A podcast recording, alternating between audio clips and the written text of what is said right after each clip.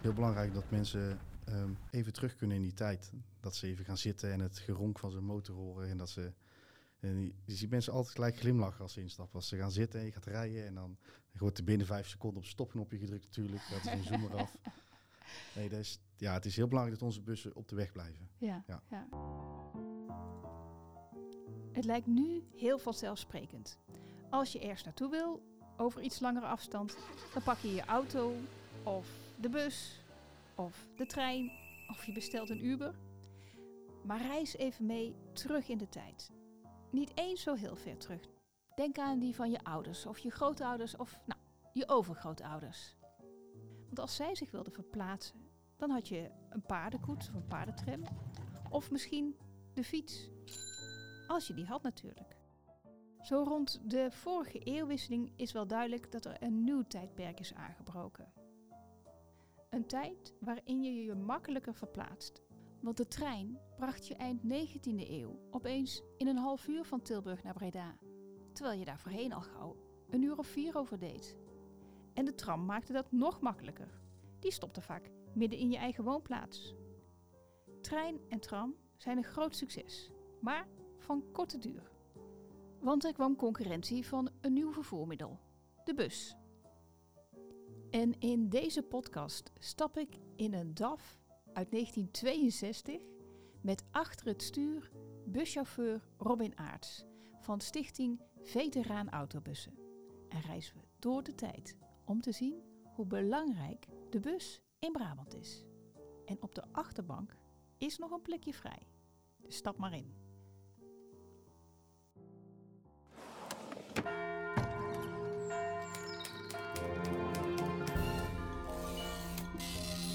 Je luistert naar het geheugen van Brabant. De podcast van het Brabants Historisch Informatiecentrum in Sertogenbos. Dwaal mee door onze archieven op zoek naar de mooiste verhalen van vroeger. Hier is je reisleider op onze speurtocht, Marilou Nilssen.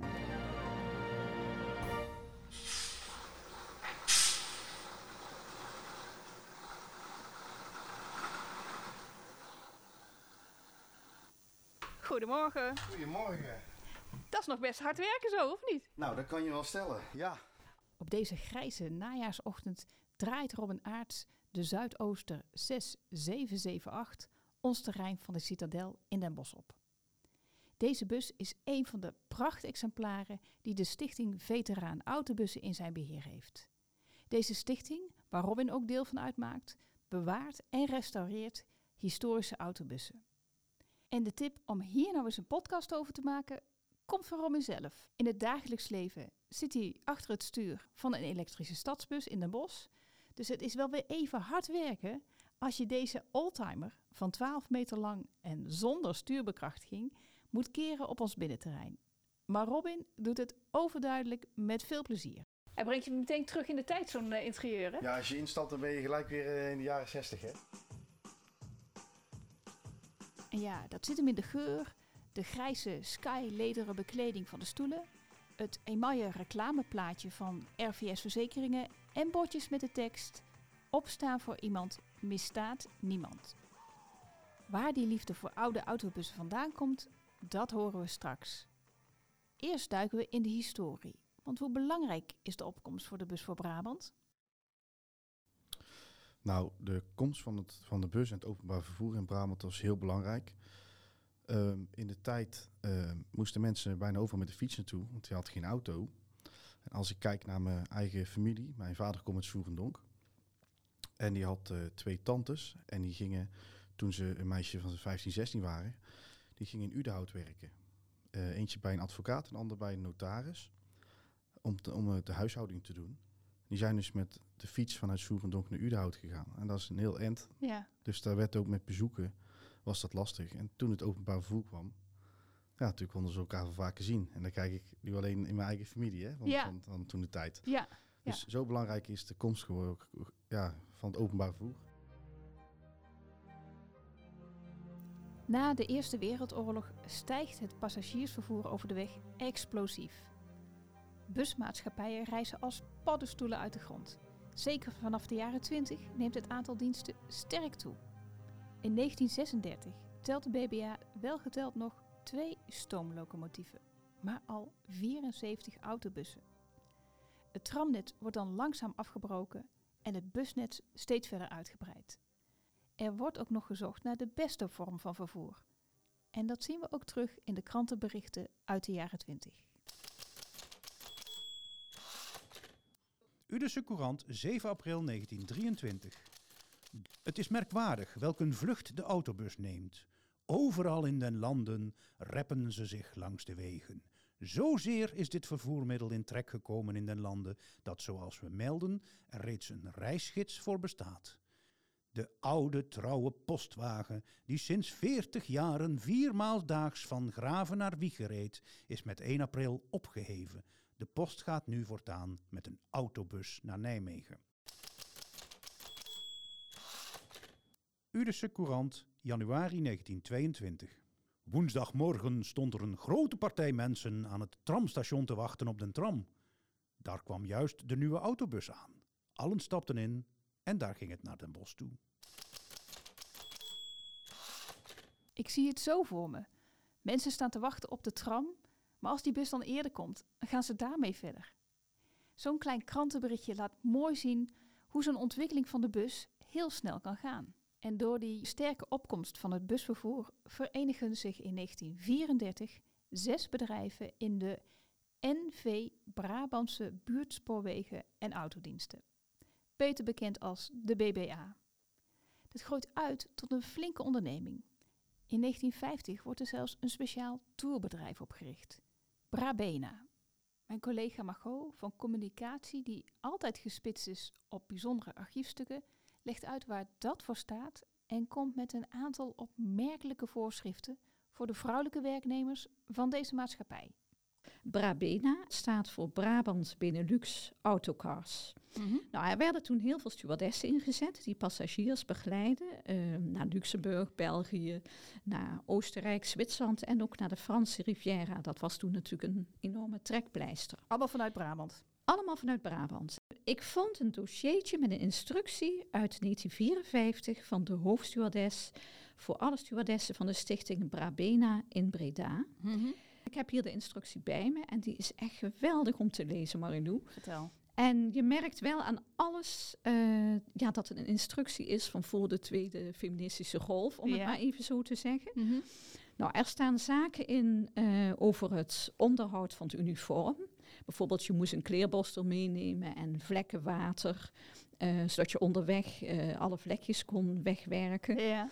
En er stond ook in dat je eh, om de paar weken je uniform in benzine moest wassen. Oh, echt? Ja, en de dames, ja trouwens over heren wordt er niet gesproken, geen stewards, dat was nog niet in die tijd.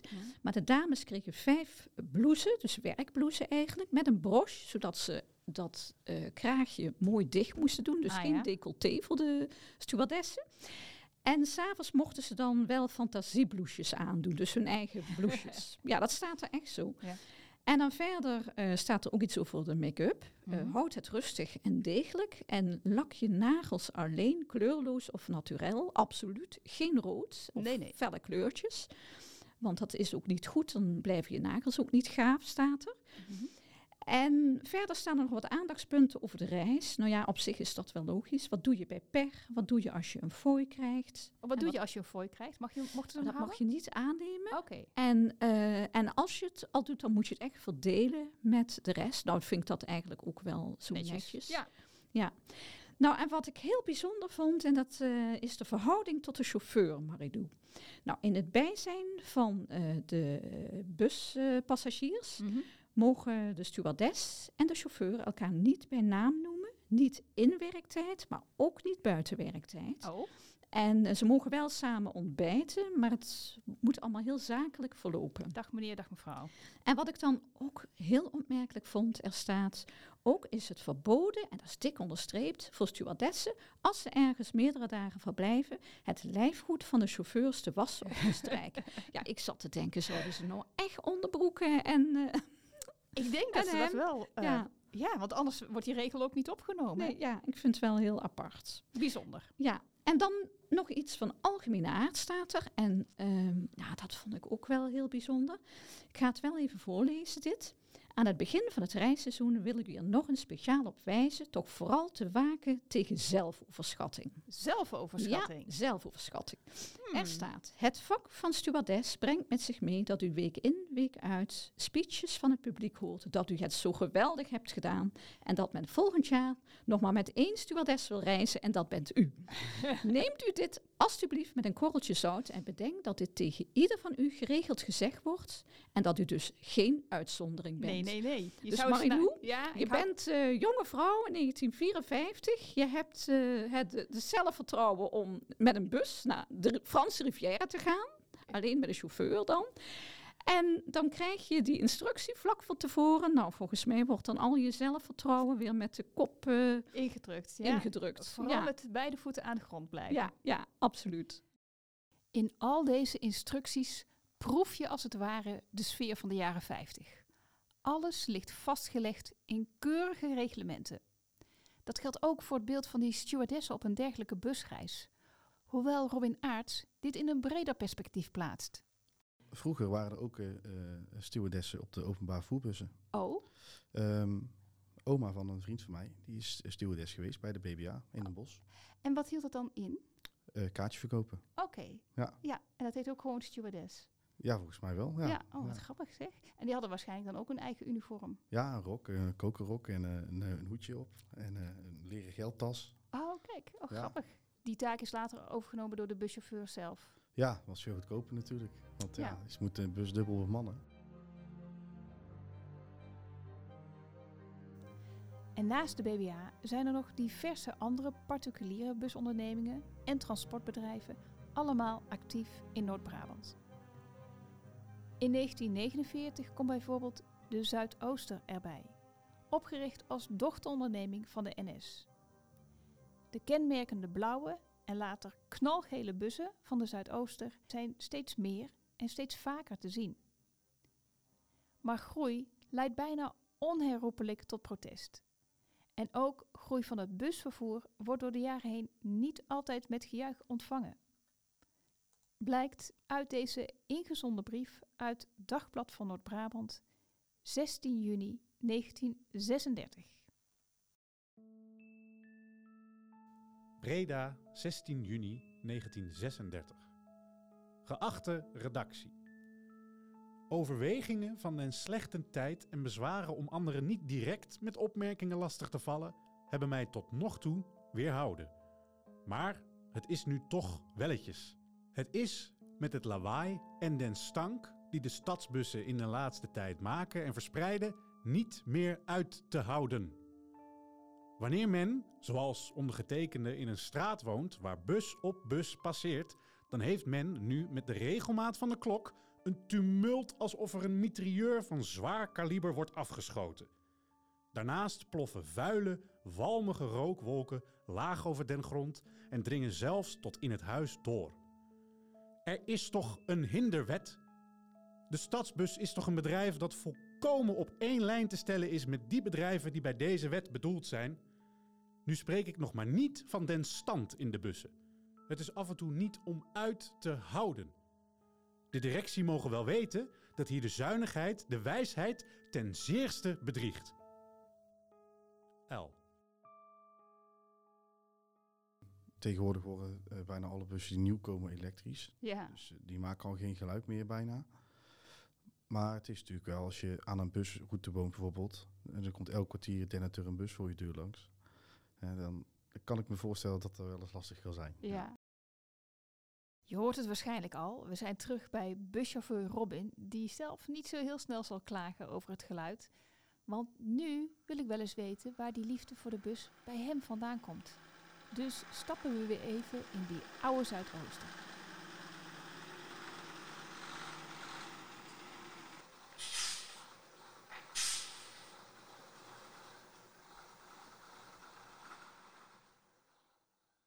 Ja, alles is oud hè. Alles in deze bus is authentiek. Dus alles is origineel en eh, echt uit die tijd. Dus er zal ook wel een, eh, een geurtje met zich meebrengen. Want deze bus is uit 19... 62, En jij bent uit? 89. En wat heb je dan met oude bussen? Nou, mijn oom was vroeger buschauffeur en ik mocht wel eens mee bij de BBA in Den Bosch. En toen is het eigenlijk een beetje gaan kriebelen. En dat is nooit meer overgegaan. Wat is nou het allermooiste aan deze bus? Ja, het voorkomen. Als je ergens aankomt rijden, dat iedereen omkijkt. Iedereen ziet hoe aankomen. En dan, eh, ja, dan, dan word je gewoon, uh, ik krijg er een beetje kippenvel van. Ja. Als hij praat over de bus, beginnen de ogen van Robin te stralen. En hij zou dan ook niets anders willen zijn dan buschauffeur. Het is een prachtig beroep. En waarom? Omdat je, ehm, eh, geen minuut is hetzelfde. Hè, je rijdt natuurlijk door de stad, ik rijd naar Eindhoven en Tilburg. Uh, je hebt iedere keer andere passagiers in je bus. Uh, van de advocaat tot schoonmaakster. En alles wat ertussenin komt. En daar maakt het zo mooi. Het is Ja. altijd een bond gezelschap, zeg ik altijd. Ja. Nog lang voordat Robin het levenslicht ziet, gaan de Zuidooster en de BBA in de jaren 70 samenwerken. En in de jaren 80 breidt de Zuidooster haar gebied steeds verder uit. Er komen stallingen en werkplaatsen bij in Eindhoven, Uden en Helmond. En in 1980 is het tijd voor een nieuw fenomeen. En bij mij in de klas ging altijd het verhaal... je moet eerst lippenbalsem op de strippenkaart smeren. Want dan Ja, kun je- klopt. Oh. Je uitvegen. ja, Ja, was dat echt zo of was het gewoon een broodje aap verhaal? nee, dat is echt zo. Oh, dat was echt zo. Dat was een trucje. Maar dat, is, dat kon je wel zien hoor. Want dan kan mijn strippenkaart aan. Dan zag je al een beetje glimmen. ja. maar dat was wel een belangrijke uitvinding. Ja, want eh, met de komst van de strippenkaart in Nederland, heet ook de nationale strippenkaart, eh, was in heel Nederland het tarief hetzelfde. Dus er werd een, er werd een kaart gemaakt met allemaal eh zes hoekjes erop. En er waren allemaal zones en die werd over heel het land uitgesmeerd. Dus dan kon jij zien, als ik van, eh, bijvoorbeeld toen de tijd van Den Bosch naar Vught, dat was twee zones. Dus dan was het drie strippen. Ah ja, ja, ja. Was altijd bij elk bedrijf eh, wa- was het tarief hetzelfde. En Ja. daarvoor konden ze zelf hun tarieven bepalen. De strippenkaart blijft tot 2011. En dan moet de kenmerkende blauwe strook met stempels plaatsmaken voor de OV-chipkaart. En zo gaan ontwikkelingen verder. En via fusies verdwijnen de kenmerkende bussen van BBA en Zuidooster steeds meer van de Brabantse wegen. Gelukkig worden een aantal van die karakteristieke voertuigen zorgvuldig onderhouden en bewaard door de stichting Veteraan Autobussen. Dat brengt mij bij mijn collega Mathilde, die ook van de zorgvuldigheid en het bewaren is. En die bij het BIC, samen met collega's Joost en Emiel, de foto- en filmcollectie beheert. Die kun je inzien op de site Brabant in Beelden. En daar staan ook prachtige foto's en films van autobussen. Eh, ja, de eerste bussen die, eh, die lijken meer op eh, vervoermiddelen die we van daarvoor kennen, dus van voor die tijd. Dus het zijn een soort veredelde trams of een koets of een paard en wagen, waar dan een motor in, in, is, ge- in is gezet. Zo lijkt het althans. Ja. Dus dat valt op als je de eerste foto's ziet, zo uit de jaren 10, jaren 20. Eh, ik vind ze wel mooi om, om te zien.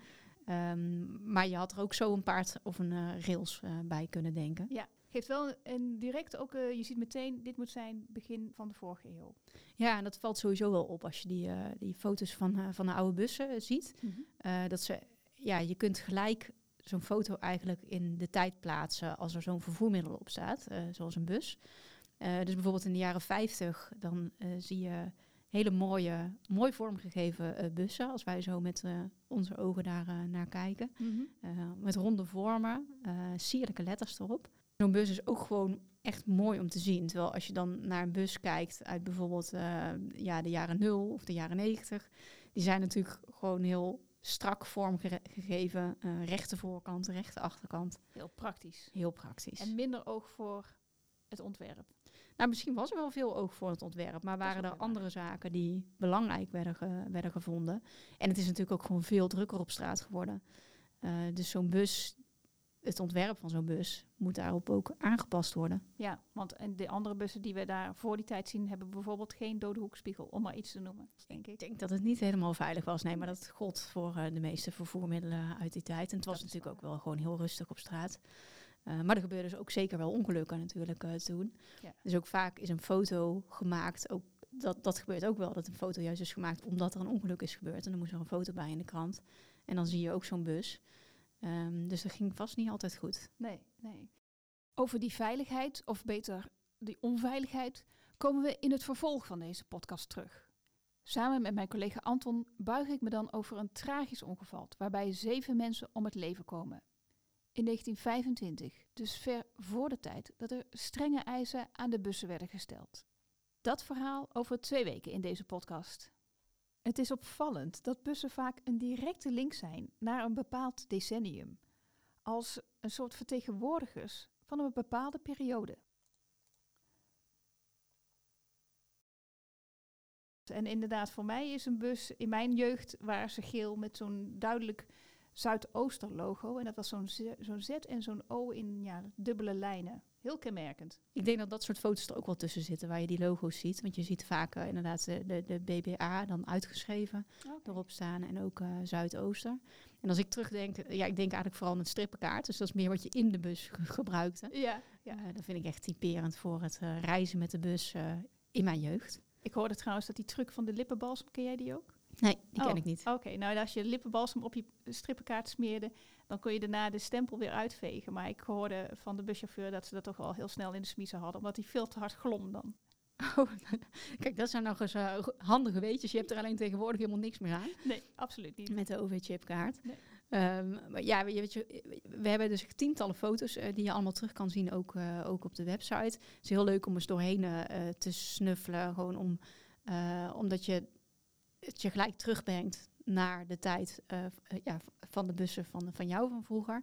En, en Mathilde, zijn die bussen, die, die beelden, zijn die dan ook specifiek gemaakt om de bus in beeld te brengen of is het onderdeel van een verhaal? Nou, heel vaak is, het, is de bus niet het eigenlijke onderwerp van de foto, maar zit hij meer op de achtergrond. En zeker in de filmbeelden. Dus dan, dan zie je een familie die bijvoorbeeld een uitstapje ergens naartoe maakt. Die wachten bij de bushalte en dan komt de bus en dan stappen ze in en dan gaan ze mee. Uh, en dan is, is die bus dus niet het onderwerp, maar eigenlijk meer uh, iets wat ook op de achtergrond aanwezig is. En dat geldt natuurlijk voor heel veel dingen die het tijdsbeeld uh, bepalen, zoals ge gebouwen, hoe die eruit zien, kleding van mensen. Uh, ja, je moet het meer op die, uh, op die manier zien. Ze zijn heel herkenbaar voor, uh, voor bepaalde tijden, ja. Terug te zien op Brabant in beelden? Ja, ja je kan er gewoon komen via baic.nl slash podcast. Maar daar kan je doorklikken naar alle foto's en filmbeelden.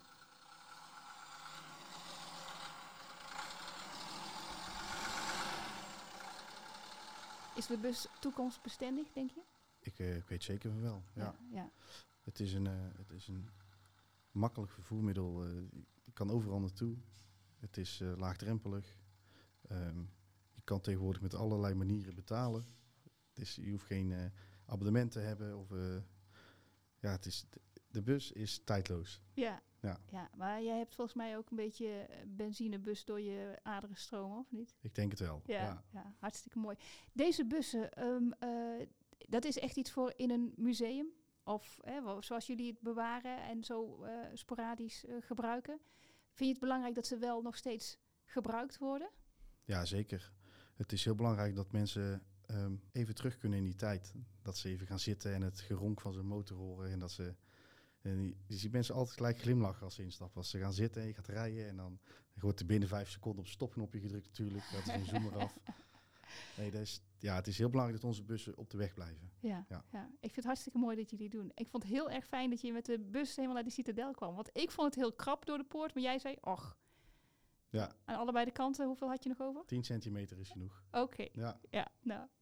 Hartstikke fijn. Bedankt voor je komst, Robin. Niks te danken, dat is hartstikke leuk. Mooi.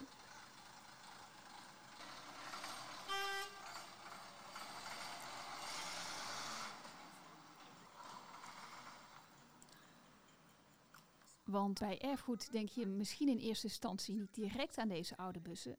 Maar het werk van Robin en zijn collega's van Stichting Veteraan Autobussen zorgt ervoor dat we ook nu nog een enkeltje na de jaren 60 kunnen nemen. Het laat zien hoe waardevol het is om dit rijdend erfgoed ook rijdend te houden, om het zo te bewaren voor toekomstige generaties. Als fundament om te laten zien hoe het openbaar vervoer ooit was en tegelijkertijd te laten zien waar we nu staan. En van het busvervoer stappen mijn collega Christian en ik deze aflevering over op de trein. Want we gaan op pad voor de voorlopig laatste aflevering over Marietje Kessels. Old case, cold case. Het is woensdag 22 augustus 1900 als Marietje Kessels een brief gaat posten, vlak bij haar huis in Tilburg. Twee dagen later wordt het elfjarig meisje gevonden in de nabijgelegen kerk, verkracht en vermoord. Ondanks verschillende verdachten en een lang strafproces wordt er nooit een dader veroordeeld. Samen met mijn collega Christian duik ik in de archieven, op zoek naar de feiten. Die vormen onze leidraad. In de vorige aflevering zochten we antwoord op de vraag hoe het leven voor de familie Kessels verder ging, nu één stoel aan tafel voor altijd onbezet zou blijven. En ontdekten we hoe het leven voor August Mutsaert zich voortsleepte. Vrijgesproken van de moord op Marietje, maar levenslang verdacht gebleven. En dit keer, dit keer de laatste aflevering, waarin Christian en ik, Marilou, op pad gaan op zoek naar het Tilburg van toen. En we napraten over ons archiefonderzoek naar de moord op Marietje. Wat heeft ons persoonlijk het meest aangegrepen? En daarvoor reizen we op een zonnige herfstochtend af naar Tilburg.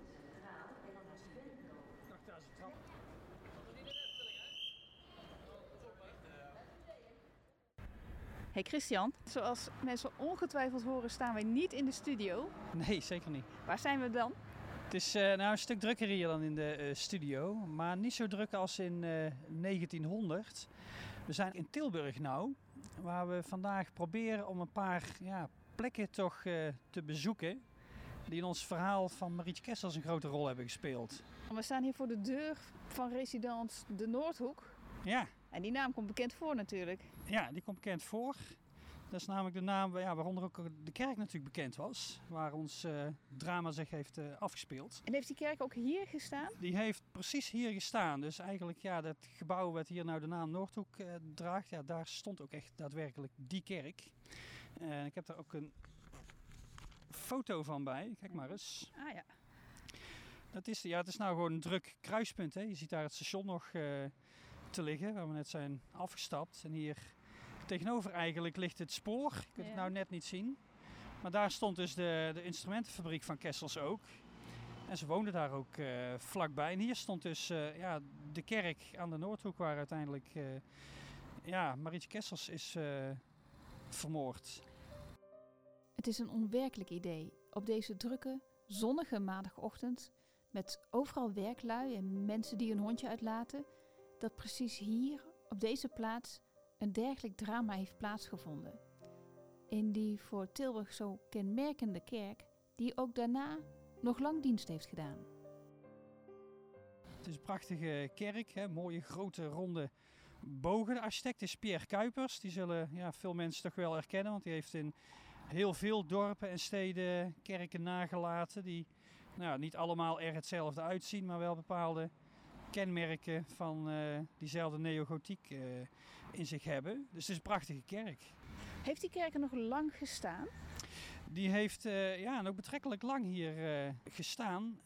mensen denken misschien na die moord zal die wel gauw tegen de grond zijn gegaan, maar niks is minder waar.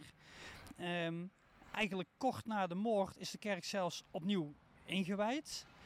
Daar heeft zelfs de uitvaart voor Marietje Kessels heeft daar nog plaatsgevonden. Um, en pas in de jaren 70 eigenlijk is de kerk uiteindelijk gesloopt. Dus die heeft hier nog uh, ja, decennia lang eigenlijk uh, kerkbezoek ontvangen. En in deze kerk is Marietje niet alleen vermoord, maar ook vond daar haar uitvaart plaats. De dienst werd geleid door de pastoor van Zinnik Bergman en de ceremonie trok enorm veel bekijks. Naast de familie waren er de schoolgenootjes van Marietje die meeliepen, maar, maar ook het werkvolk van de fabriek van Vader Kessels uh, er was een lijkkoets met vier paarden. Het was een indrukwekkende stoet, waarover heel Tilburg sprak.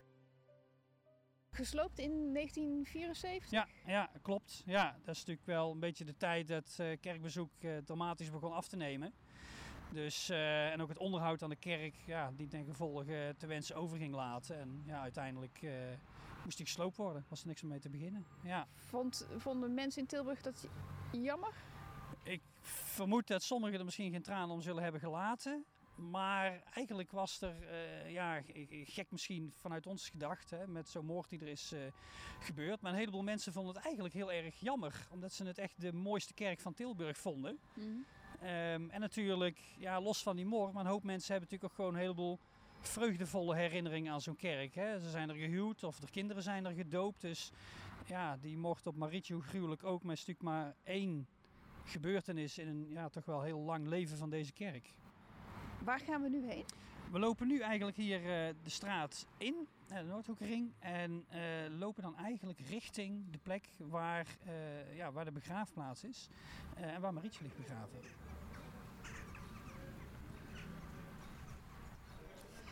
Ik kwam hier vroeger bijna iedere dag langs, in de bus op weg naar school. Ik heb hier op de, de leraaropleiding gezeten. En dan dacht ik altijd, het is achter dat eh, hek, maar dit is de begraafplaats, eh, het heiken waar we nu zijn. Ja. En eh, dat is vlakbij die Noordhoekse kerk, tenminste waar die kerk ooit stond, hè, waar we net eh, waren. En dit is de begraafplaats ja, waar ook Marietje Kessels ligt. Haar laatste rustplaats heeft gevonden.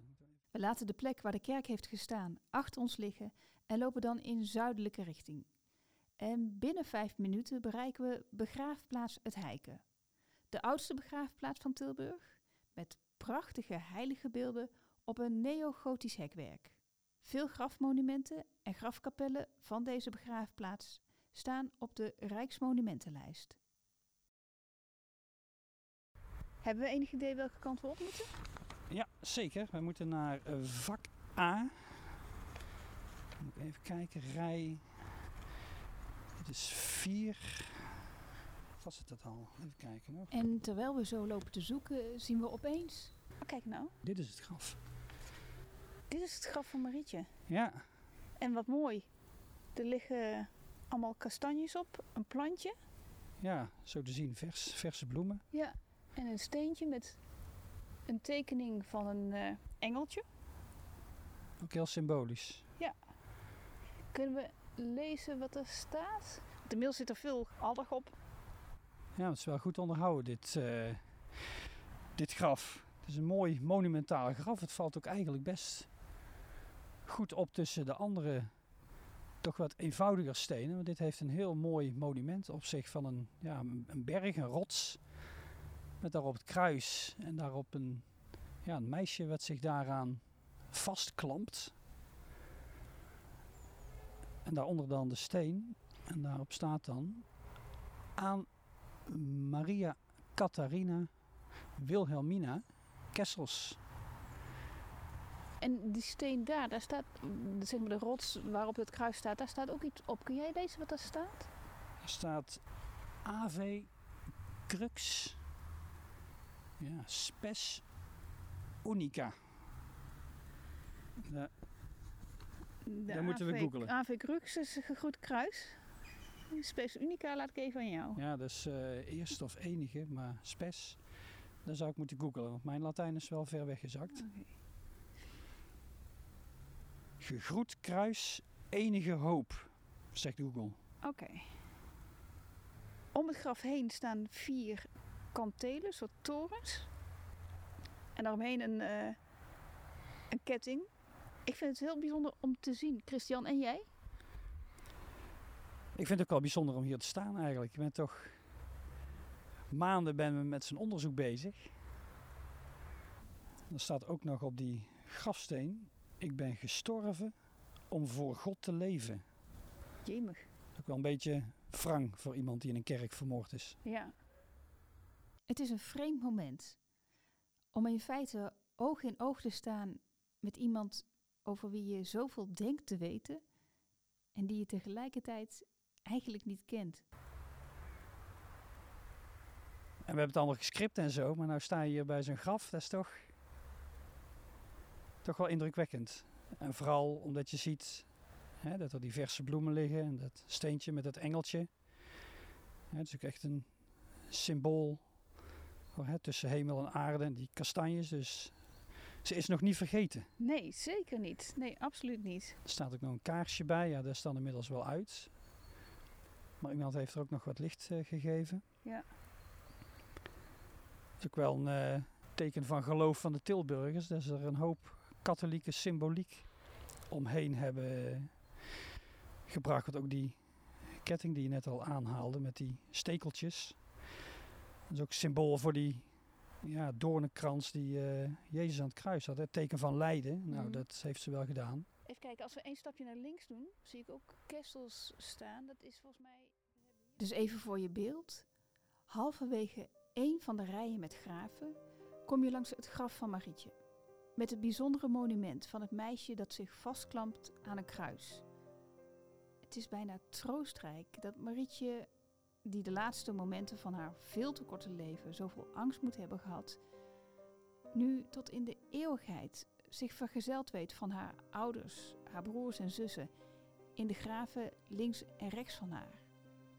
En je hoopt gewoon dat ze nooit meer alleen is en nooit meer bang.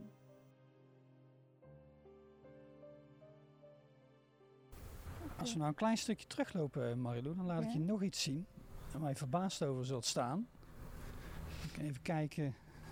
Vak P, graf 3. Dit graf, Eens even kijken. Dat, het is niet te lezen, maar nee, dit is duidelijk minder onderhouden dan eh, van Marietje. duidelijk, ja, de klimop zit er zwaar overheen. Maar als ik die een beetje weghaal, dan... Kijk, dan komt daar de Mm, naam te staan. Ik zie eigenlijk alleen Bergman. Ja, Zinik Bergman. De pastoor. De pastoor, ja. Dit is het graf van de pastoor. Op, nou ja, hoeveel stappen hebben we gezet? Ja. 10, 15? Op 10 stappen afstand van het graf van Marietje, daar ligt pastoor van Zinnik Bergman begraven. duidelijk in, in een heel andere staat en eh, in een soort van vergeten hoek. Ja. Met een afdruk waar ooit een kelk op heeft gezeten. Ja. Die bijvoorbeeld daar op dat grafsteen nog wel Klopt, zit. ja, hier liggen meerdere pastoors in dit rijtje. En ja, je kunt je ook wel voorstellen waarom dit graf misschien een iets minder onderhouden staat heeft. En ook die kelk eh, is eerder bijvoorbeeld een keer gestolen geweest. Hè, dus dit eh, graf is een aantal keer ja, door vandalen, zoals dat heet, eh, aangedaan. Maar dan hebben die wel een heel specifiek doel voor ogen gehad. Die hebben ongetwijfeld, eh, ja, is het niet alleen om de kelk gegaan, maar ook om eh, ja, misschien wel de nagedachtenis aan specifiek deze pastoor te besmeuren. Maar goed, ik weet natuurlijk niet wat de beweegredenen daarvan eh, zijn geweest. Maar ja, het is in ieder geval zo dat dit graf er minder onderhouden bij ligt dan de andere graven hier. En zeker het graf van Marietje, wat gewoon nog heel actief in herinnering wordt gehouden, is dit meer een graf wat ja, door de klimop lijkt alsof ze het eh, willen wegstoppen. Met verbazing staan we bij het graf van pastoor Georges van Sinik Bergman. De pastoor die zo'n dubieuze rol heeft gespeeld in het onderzoek naar de moord op Marietje. En wiens rol in het gruwelijke drama nooit helemaal duidelijk is geworden, ondanks alle archieven die we hebben doorgespit. Op nog geen 10 meter afstand van het graf van Marietje ligt hij zelf begraven. Hier verderop trouwens nog een paar passen verder, daar ligt die Karels, de politiecommissaris. Wat, eh, wat vreemd trouwens, want ik heb me altijd al verbaasd dat heel het verhaal van Marietje zich eigenlijk op zo'n kleine oppervlakte afspeelt. Hè? Eh, de fabriek, het huis, de kerk. En eh, op het kerkhof hier is dat in feite niet anders. Ja, inderdaad. Zijn ze ook eh, op een paar vierkante meter van elkaar eh, gebleven. Hè. In het leven samengebracht. En na de dood zijn ze alle drie ook niet meer los kunnen raken van elkaar, zo te zien. hey, die kaas, waar, waar, waar ligt die precies? Die ligt. Even kijken. Kijk hier, Oh, meteen erachter. vlak achter het graf van me. Ja, echt rechterachter. Ja, ik weet niet, zou zoiets symbolisch kunnen zijn? Hij heeft nooit de moord kunnen oplossen, maar dat hij nu een soort van beschermend. vaak. Ja, ik zou het bijna zeggen. Maar misschien vullen we nou wel heel veel dingen in. ja, ja. Even buiten de begraafplaats, op de hoek van de Noordhoekring en de Breda's weg, zoeken we rust op een van de bankjes die voor het hek van de begraafplaats staan. En toeval of niet, onder het toeziend oog van een standbeeld van Antonius van Padua, patroonheilige van onder andere alle kinderen, haalt Christian nog een laatste archiefstuk tevoorschijn. Met erop een verhaal uit de Tilburgse Courant van juni 1900. En daarop staat een lijst van iedereen die tot dan toe heeft gedoneerd voor het grafmonument van Marietje. Nou, hier een anoniem iemand, 5 cent. En Marietje en Netje, 2 cent. En dan staat hier ook... Aan ons bureau wordt tot zelfs de kleinste gift in dankbaarheid afgenomen. Hey Chris, en hier, kijk. Een vader van 18 kinderen leverde 25 cent. Ja, Moet toch een behoorlijke aderlating zijn geweest als je zo'n gezin moet onderhouden. ja 18 kinderen en dan toch nog iets eh, Ja. te sparen over. En hier een gift al voor de derde keer door het werkvolk van Thomas de Beer. En hier hebben Theresia, Willem en Elisabeth van Lieshout hun spaarpot omgekeerd, 65 cent. Nou, je ziet wel echt honderden mensen, gezinnen die dus geld inzamelden. En op dit moment staat hier onderaan al 681 gulden en 61 cent. Ja, echt een enorm bedrag voor die tijd. Vandaar dat het zo'n mooi monument is kunnen worden. En het zegt natuurlijk alles wat als mensen daar zoveel voor over hebben. Ja, hoe het de Tilburgse samenleving heeft geraakt. Ja, zeker.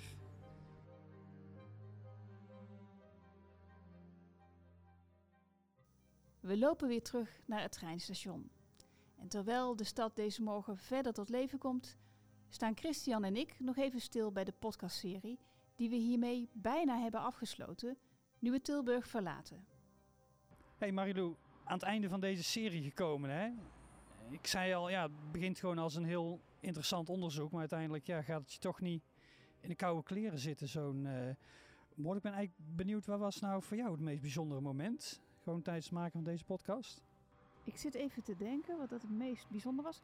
Nou, misschien was het wel het moment waarbij eh, onze collega Emiel op basis van de beschrijving van Marietje, als ze nog verdwenen is, nog niet gevonden is, haar bestaande foto heeft ingekleurd. Oh ja.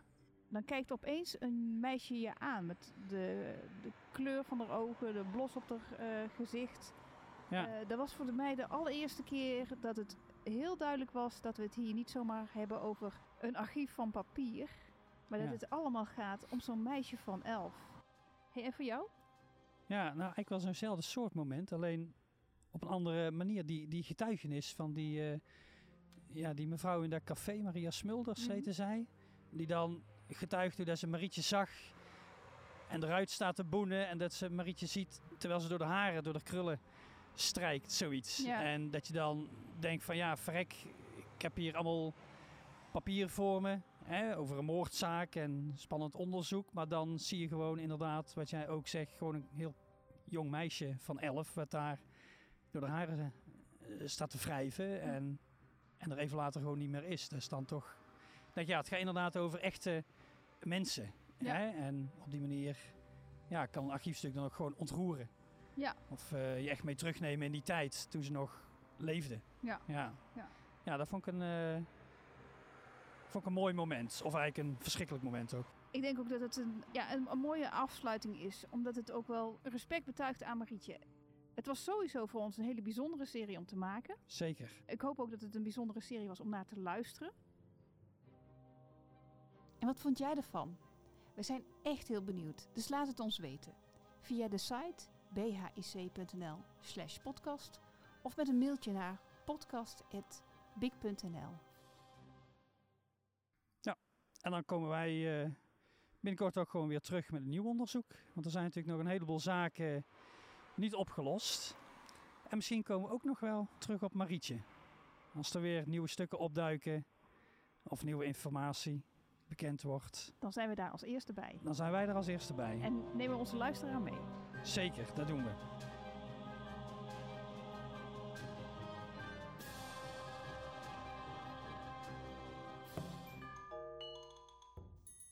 Dat was hij dan. Hopelijk heb je met plezier geluisterd. Zelf vond ik het heel bijzonder dat Robin Aarts met die oude Zuidoosten naar de Citadel toe kwam. En wil je die bus nou zelf zien? Op onze site bhic.nl slash podcast staat er ook een filmpje van. Daar vind je trouwens ook de archiefstukken die we voor deze aflevering hebben gebruikt. En meer informatie over deze podcast vind je ook in de show notes. En oh ja, ik heb het eerder gevraagd, maar vind je dit nou een fijne podcast? Geef ons dan een review, want dan wordt die beter vindbaar. Of zeg het gewoon tegen andere liefhebbers. Daar zijn we ook blij mee. Ik spreek je later.